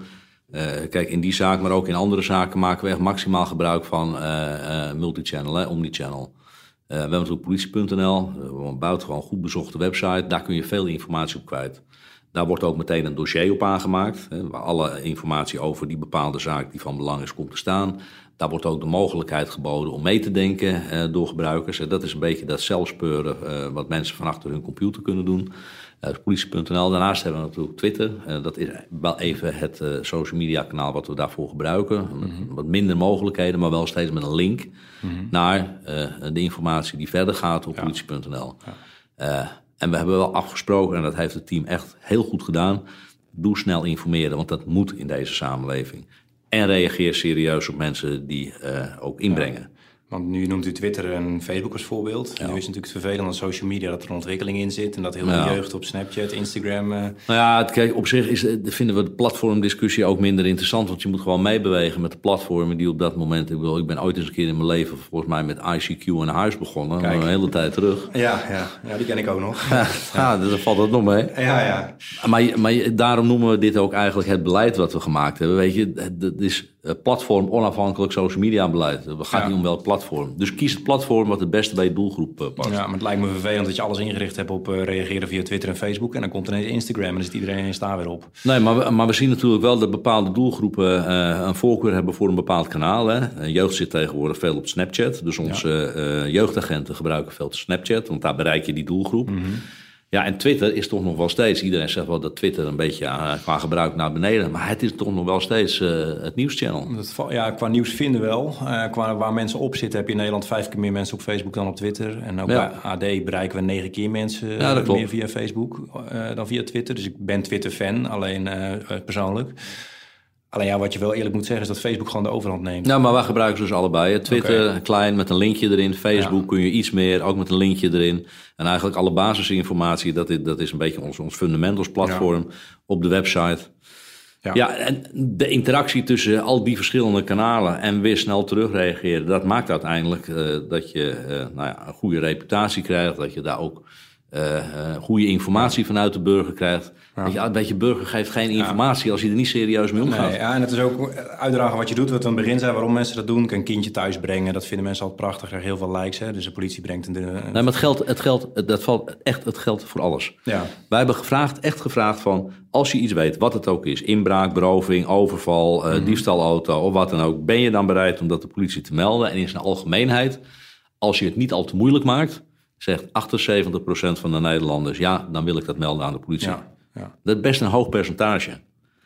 Dat zie je ook bij opsporing verzocht. 1,3 miljoen mensen kijken elke dinsdagavond naar opsporing ja. verzocht. Meer dan 45% van de zaken die daar aangebracht worden, worden ook opgelost. Het is volgens mij ook naast Arjen Lubach het enige programma wat op, uh, op YouTube wordt uitgezonden ongeveer. Van ja, de NPO. Ja, en daar krijg je er niet eens zo'n ster voor. Hè? Nee, nee. nee. nee, dat komt nog misschien. Maar dat, dat valt me dan op, dat die fragmenten zijn altijd wel te vinden en de rest niet. Dus... Uh, ik kan me voorstellen dat er via YouTube misschien ook gereageerd wordt. Het, eh, qua positiviteit over Facebook, naast het voorbeeld wat uh, Peter noemde, ben ik nog benieuwd. Uh, ik las een artikel over dat er in Enschede een zelfmoord voorkomen was. Ja. Uh, en uh, ook, een, toevallig ook in Enschede. Ik sprak met een collega Joost Dijkgraaf van Tubantia van tevoren. Dat er een onbekende patiënt was gevonden waarvan ze niet wisten wie het was. En dan via social media hebben mensen zich gemeld. Ja, dus nou ja, er zijn, er zijn meerdere van die voorbeelden. Er is zelfs, uh, en, en dat weten we ook echt zeker, een dodelijk slachtoffer voorkomen. Ja, die, in het geval van die zelfmoord. Nee, is nog een ander. Oh. was geen zelfmoord. Het was iemand die ook echt bedreigd zat, niet kon praten, in, zich teruggetrokken had in huis in een hoekje. Uh, via Facebook iets kon plaatsen wat opgepakt werd door een vriendin. En die vriendin heeft vervolgens 112 gebeld en de politie was op tijd ter plaatse. En op dat moment was ze ook gewoon niet in staat om via de telefoon 112 te bellen, omdat ze zich verstopt had en uh, niet kon praten. Ja, ja. En daar hebben we meer voorbeelden van. Overigens, weet je, onze social media kanalen zijn nog niet ingericht als noodhulpkanalen. Mm -hmm. uh, natuurlijk worden er op een aantal plekken wordt er wel meegekeken en gemonitord, maar we zijn nog niet zo ver. Misschien zijn we over twee jaar of over drie jaar zijn we wel zo ver. Eh, Ja, maar, je, maar je ziet wel de tendens dat Ja. het wel een contactmiddel is met, de- met, met de politie, wat van belang is en steeds belangrijker wordt. En echt bij noodhulp ben je in twee uur vaak ook niet eh, op tijd natuurlijk. Dus het is denk ik ook heel moeilijk als mensen echt in nood Ja. zitten. Maar goed, in dit Nou ja, dan het is het ook een beetje een toeval en geluk en dan zijn we blij. Dan is iedereen blij. Ja, en dat zijn de momenten dat het natuurlijk heel goed Maar ja, is. goed, in dat geval was het ook weer niet bij ons. Hè. Die, die, die- dat slachtoffer zeg maar, had, had zich eh, verstopt en eh, plaatste een berichtje opgepakt door, door een vriendin van haar Ja. via Facebook. Ja, En die heeft toen de politie gebeld 112. ja, Ja, dan zie je zo'n indirect effect van eh, social media. ja.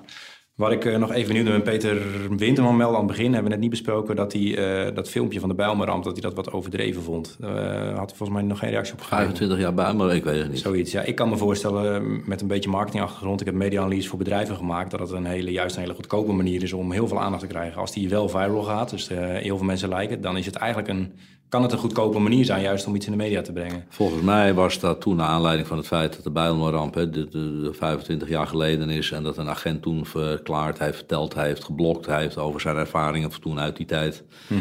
Nou ja, dat, dat moet je ook niet onderschatten. Eh, Kijk op politie.nl, daar, daar schrijven politiecollega's blogs. hè, Daar ga je weer, hè, de merkwerker, hè, de medewerker die vertelt wat. Eh, die blogs die, die worden miljoenen keren gelezen. Die hebben echt een verspreiding van 2,5 of 3 miljoen. Ja, Eh, omdat mensen het interessant vinden om het verhaal van de politie te horen. Maar dan niet het opgeklopte verhaal en niet wegmisbruikers, maar het verhaal van de belevenissen van de politiemensen zelf. En die politiemensen zelf vinden het mooi om te vertellen wat er aan de hand is en hoe Ja. ze dat beleven. Want soms maken ze gewoon ook hele vervelende dingen mee. Als je over de vluchtstrook rijdt, Ja. omdat je iemand aan het begeleiden bent waarvan het kindje vermoedelijk aan het overlijden is in het ziekenhuis. En een paar hufters die zetten je auto voor je motor omdat ze vinden dat jij als politie niet over de vluchtstrook mag Ja. in de file. Nou, dan heb je iets te vertellen. ja, dat snap ik. Maar bijvoorbeeld Peter is een normale burger, zullen we maar zeggen. En die denkt dan, ja, dat kost geld, dat gaat van mijn belastingcent af. Die, en dat zei Peter niet natuurlijk. Maar een beetje die gedachte van, dat filmpje moet ik, moeten wij betalen. Hoe is uw reactie daarop? Ja, nou, daar, daar kan ik toch eigenlijk niet echt heel serieus op reageren. Nee. Ik, denk dat, ik denk de filmpjes die wij maken, nou, dat zijn vloggende politiemensen en die zijn buitengewoon goedkoop. En dan wijst u eigenlijk naar het bereik wat het eh, oplevert. Ja, en dat levert gewoon heel veel op. Het is Ja. altijd een afweging van wat investeer je erin. Ja. Maar weet je, kan je te veel investeren in een goede relatie met je samenleving als je een instituut als politie bent die verantwoordelijk is voor een veiligheid in het Ja, land? nou, dat vindt u natuurlijk wel, maar er zijn natuurlijk burgers die misschien ja, zouden... Maar dat, is- blijf ik ook vinden. Ja, ja precies, oké. Ehm, even qua opslaan van media, social media historie. eh, kunnen jullie ook vinden als ik een tweet verwijder... wat ik in 2008 geplaatst heb of zo, of 2010? Nee. Daar willen jullie er niet bij komen Nee. ook. Oké. Kijk, we monitoren natuurlijk wel, maar, en, maar- Ja. en dat zal iedereen begrijpen. Eh, maar we monitoren op de actualiteit. En we monitoren op sentiment. Hè? Hoe wordt er over de politie gedacht? Eh, hoe wordt er over de politie... Maar dat, dat doen we... Kijk, dat is, eigenlijk is dat hetzelfde als de, de vroegere knipselkrant. Ja, Ja, ja, uw afdeling wel, denk ik. Maar ik denk die detectives, of, maar dan heb je weer een bevel nodig... en dan kun je misschien wel bij. en die manier. monitoren met andere middelen. Ja. En natuurlijk weten we... Ik bedoel, we kennen allemaal de toolings die daarvoor zijn. eh, eh, en die gebruikt de politie ook. Ja, Ja. natuurlijk. Ja. Ehm, wanneer zou ik de politie kunnen inschakelen als het over social media gaat? Op welk, wanneer is iets... eh, ik kan me voorstellen mensen zitten te luisteren... die wel eens een haatreactie krijgen via Twitter of zo. Ja. Wanneer zou je dan de politie kunnen bellen? Wat, welke grens... Is er een grens? Of, Nee, er is geen grens. Kijk, je kunt voor een aantal delicten die te maken hebben met internetoplichting... Hè, ja. Eh, en internetcriminaliteit kun je aangifte doen via politie.nl. ja, maar als iemand lelijke dingen roept, laat ik het zo zeggen. Dat, Nou, maar als iemand lelijke dingen doet, dan, dan gaat het erom wat de wetgever bepaalt. Mhm. Kijk, wat zijn lelijke dingen? Ja, dat is Nou, daar is een definitie van in de wet. Ja, Eh, en vervolgens heb je daar een aantal wetsartikelen voor. Smaad, laster, bedreiging. ja, Eh, die zijn behoorlijk gedefinieerd. En dan maakt het niet uit via welk middel je eh, dat doet. Of je dat nou via internet doet, via social... of dat je dat nou iemand naroept... of je schrijft het op een briefje en je stopt het in zijn brievenbus. ja. Het gaat om de elementen van dat strafbare feit. En is de jurisprudentie genoeg om te kunnen zeggen dat het eh, op social media duidelijk genoeg is? Omdat het Nou ja, er wordt, 40 tekens er, er wordt op dit moment eh, geen onderscheid gemaakt. En dat vind ik goed, hebben we in het verleden ook gewoon gezien. Ja, Kijk, ook bedreigingen en haat eh, en, en wat je deelt via social media... valt gewoon onder het wetboek van strafrecht. helder. En dat maakt niet uit, schrijf je het op een pamflet... doe je het op een spandoek of zet je het op Twitter. Ja, ja. Dat is duidelijk, denk ik. Ik Ja. wil nog een paar stellingen voorleggen. We zijn bijna aan het einde, eh, toch? Ja, ga, je moet zo... Uh, ik moet uh, druk man. een krentenbol in Dus gaat er een krentenbol in, dus ik zal uh, dus dan weten de luisteraars hoe het komt. Eet smakelijk trouwens. Nou, dankjewel. Um, ik wil nog een paar dingen even voorleggen over de toekomst van social media. En eigenlijk is de toekomst, die voorbeeld die ik noem, dat is eigenlijk al het nu. Want ik weet niet of je het boek De Cirkel toevallig gelezen hebt. Ja, ik gelezen, ja. Overigens tot drie kwart. En toen had ik hem door. Ja, het is Daarna niet zo, vond ik hem niet meer interessant. Het einde is niet zo heel leuk eigenlijk. Maar, maar het is wel boeiend voor iedereen die inzicht wil krijgen in welke ontwikkeling heeft het. Het, wordt, het laat deels heel positieve dingen zien, alleen vooral negatieve Maar er zitten ook negatieve kanten aan. Een van de negatieve dingen is livestreaming eigenlijk, dus live beeld. Ja. Nou, dat is er nu al, want we hebben Facebook Live, Periscope. Mensen ja. kunnen hier gaan filmen en zeker de politie. Het lijkt me bijzonder vervelend als iemand live aan het filmen is en die ziet een politieagent uh, live in beeld. Hoe gaan jullie ermee om? Of? Nou, maar even het verschil maken. Doe, kijk, wij zullen het niet doen, hè? dus wij gaan niet... Zelf niet, nee, nee, dat begrijp ik. Daar is wel eens een keer, ik bedoel, geef ik eerlijk toe, iemand heeft het gedaan nog niet zo heel erg lang geleden, vonden we niet zo'n goed idee. Nee, dus de politie... Want op het moment dat je live gaat streamen, dan kun je niet meer blurren, onherkenbaar nee. maken en dat soort dingen. Helder, dus jullie worden gefilmd, dat bedoel ik. Oh, ja, en als wij gefilmd worden, ja, dan, dan, vinden we dat helemaal niet zo erg. Nee? Nee, dat vinden we niet zo erg. Nee, mensen vinden dat dan wel vervelend. Nee, ik vind, uh, kijk, je moet de politie niet in de weg lopen. Mm -hmm. uh, overigens, als je dat wel doet, vloggers, hè, dat doe ik al een tijdje geleden over. Daar gaan we niet over hebben. Ja. Maar goed, als je dat doet en je loopt de politie in de weg, ja. dan hebben we daar ook gewoon mogelijkheden voor. Beletten, belemmeren van een ambtshandeling kun je gewaarschuwd worden, aangehouden worden, verwijderd worden. Uh, dat zijn gewoon wettelijke bevoegdheden. Maar als wij gewoon het werk doen en iemand die wil dat filmen, ja, ik zou alleen zeggen, houd u een klein beetje afstand voor uw eigen veiligheid, maar film het gerust. Dus de agent die luistert, die weet dan van, oké, als ik gefilmd word, dat mag gewoon eigenlijk. Dat weten we toch? Ja. Ik bedoel, we hebben hoeveel camera's in dit land? 15 miljoen? Nou ja, het is denk ik nieuw, want de politie weet het dan blijkbaar. Ik kan me voorstellen dat andere mensen echt denken van... wow, als ik gefilmd word, dat is ineens uh, bijzonder. Nou, we hadden de rel in Amersfoort vorig jaar. En de Amersfoortse ja. Courant, het zit dan hetzelfde plein als waar de rellen waren, het één plein.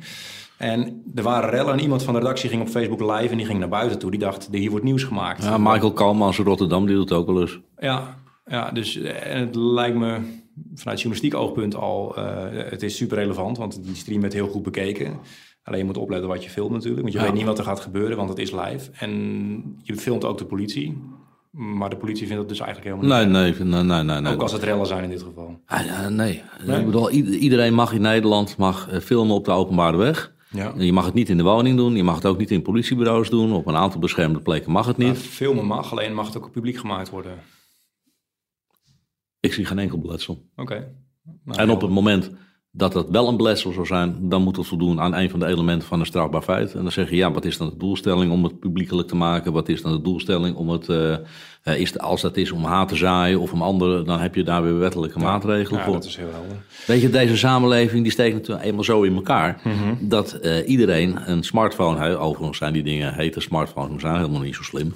Nee, ja. Maar die, die worden pas de komende tien jaar slim. ja, nu zijn ze ja, nog niet zo slim. ja, gezichtsherkenning, dat soort dingen. En, en, daar, en daar zit een eh, goede camera op. Ja, dit is weer terug eh, naar het begin van het gesprek. Dit is de samenleving die verandert. En dan moet je als organisatie meebewegen. Weet je, Kodak dacht ook dat mensen nog wel tot in de eeuwigheid eh, filmrolletjes met 36 opnames zouden blijven kopen. Nou, dat is ook niet helemaal waar. Overigens refereert het ook aan een van de vragen die ik volgens mij ook las. Dat is, het is toch wel vervelend dat de politie foto's maakt eh, en dat dan de broodfotografen eh, daar inkomsten mee Er was een, mislopen. eh, een, ja, ja, een had inderdaad... Ga ik jou vragen stellen? Ik denk, Ja. hoe komt er aan die vragen? Maar die vraag werd binnen ingesteld. maar ik wil je nou even laten zien dat wij ook meekrijgen met, de- met de dingen die U werd er gementiond. Roland eh, Rovers heeft hem gesteld. Dus het is leuk dat hij even terugkomt. Ja, ik ben wel benieuwd naar uw reactie. Ik had hem even overgeslagen, die vraag nu. Maar Nee, maar ik trek er wel op en dan denk ik, ja, weet je, dit is dus het begrip wat mensen moeten hebben dat de samenleving fundamenteel verandert en gaat veranderen. dat dacht ik toen ik die vraag las ook. Kodak, die eh, verkoopt geen filmrolletjes meer. Ja. Polaroid verkoopt geen Polaroid-camera's meer. Nee. De Free Record Shop geen cd's En de meer. politie hoeft er niet voor te zorgen dat 1 en 2 fotografen natuurlijk aan het werk blijven. De lettersetters die de krant maakte. Je komt van eh, de AD, Ja. de media, Ja. die toen de desktop publishing kwam, eh, moesten ze ook iets anders gaan doen. Ja. En ik denk dat in een samenleving waar iedereen een volwaardige, kwalitatief goede camera bij zich heeft, je even moet afvragen of je je business niet anders moet gaan regelen. Ja, dat lijkt me ook helder. Nee, dat- daarom vond het een leuke vraag. Ja, precies. Ik dacht, ik sloeg hem over zo vanzelfsprekend. Maar toch bedankt, eh, Roeland. Ehm, de laatste vraag die ik nog heb is eigenlijk over social media advertenties. Want bij vermissing of zo kunnen jullie advertenties inzetten. Daar was ook een artikel Ja. in het AD over van Peter. Klopt. Ehm, doen jullie dat vaak? Nou, doe maar regelmatig. Kijk, kijk, wat je natuurlijk wil, is niet schieten met een, eh, eh, een kanon op een mug, want dat helpt niet. Dus op het moment dat je weet van, uh, uh, en dat doe je dan in het kader van opsporing, hè, je wilt informatie hebben, weet je, niet heel Nederland kan er iets van weten. Dat is maar geografisch op een beperkte uh, plek. Ja. ja, dan begin je niet met heel Nederland te vragen, weet u hier iets van? Uh, en dan, doe, dan, kun je dat doen via Facebook uh, advertising. Even voor de luisteraar die hier niks vanaf weet.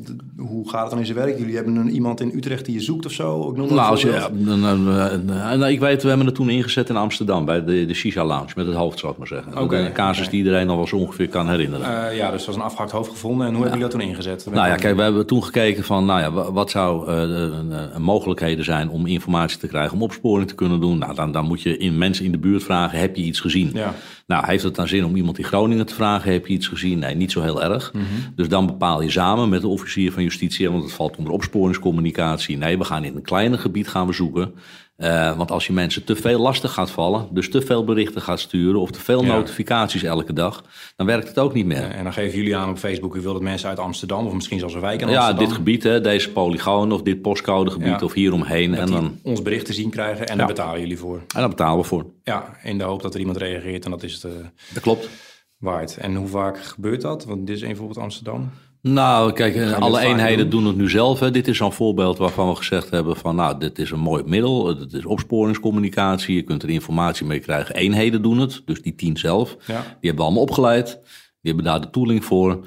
Uh, en ik denk dat het een aantal keren per maand gebruikt wordt. Ja, interessante ontwikkeling.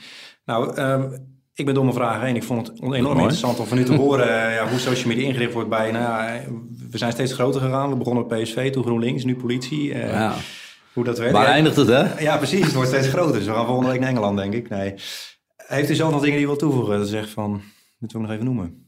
Nee, ik geloof in die veranderende samenleving. Ik geloof dat de politieorganisatie, ondanks het feit dat het toch een wat traditionele organisatie is, echt de energie nu heeft om aan te sluiten uh, en wij hebben Nederland en haar burgers en haar informatie gewoon nodig om met elkaar dit een fijn en veilig land te laten zijn. En dan even vijf seconden reclame uh, om social media. Hoe, hoe, wilt u dat u gevonden wordt? Of uh, voor uzelf, maar ook van de politie in het algemeen? Nee, politie in het algemeen is gewoon at politie. weet je, de, wijk, de wijkagent, tik je postcode in op politie.nl. Je vindt het Twitter-account van je wijkagent. Je kunt eventueel nog zijn timeline daarin meekijken. Kijk. Weet je, en, en, en nou, zoek maar maar op LinkedIn. En vond je het leuk, laat het weten. En vond je het niet leuk, moet je het ook laten weten. Dat wil ik ook sowieso. Dus dat was uh, Ronde Milde. Op Twitter is het. Uh, Ronde Milde. mag nog even feedback geven. Mag sowieso op die podcast. Dat mag altijd via nou, de social podcast. Zit ook op Twitter, uh, Instagram en Facebook. Het is hartstikke leuk als je gaat volgen. Dit was de derde podcast. Hartelijk dank voor uw komst. Nog even een oproep aan jullie luisteraars. Omdat het nu de derde keer was, durf ik dit nog een keer goed te benadrukken. Uh, je kunt je abonneren op de podcast. Uh, dat kan via de Apple Store. Uh, daar heb je een appje, die heet iTunes Podcast. Daar kun je abonneren op de Social Podcast. Je kunt natuurlijk ons op Facebook volgen, Twitter, Instagram. En je kunt een recensie achterlaten. En door die recensies worden we sneller gevonden. En we staan nu in de top 200 van Nederland. En als jullie nou allemaal recensie achterlaten, gaan we snel, snel stijgen. Dus een beetje reclame daarvoor. De volgende podcast gaan we opnemen met Nienke de Jong, AD-columnist. En dan gaan we praten over kinderen en social media en opvoeding en social media. Uh, het zou leuk zijn als je dan weer luistert. Bedankt en tot de volgende keer.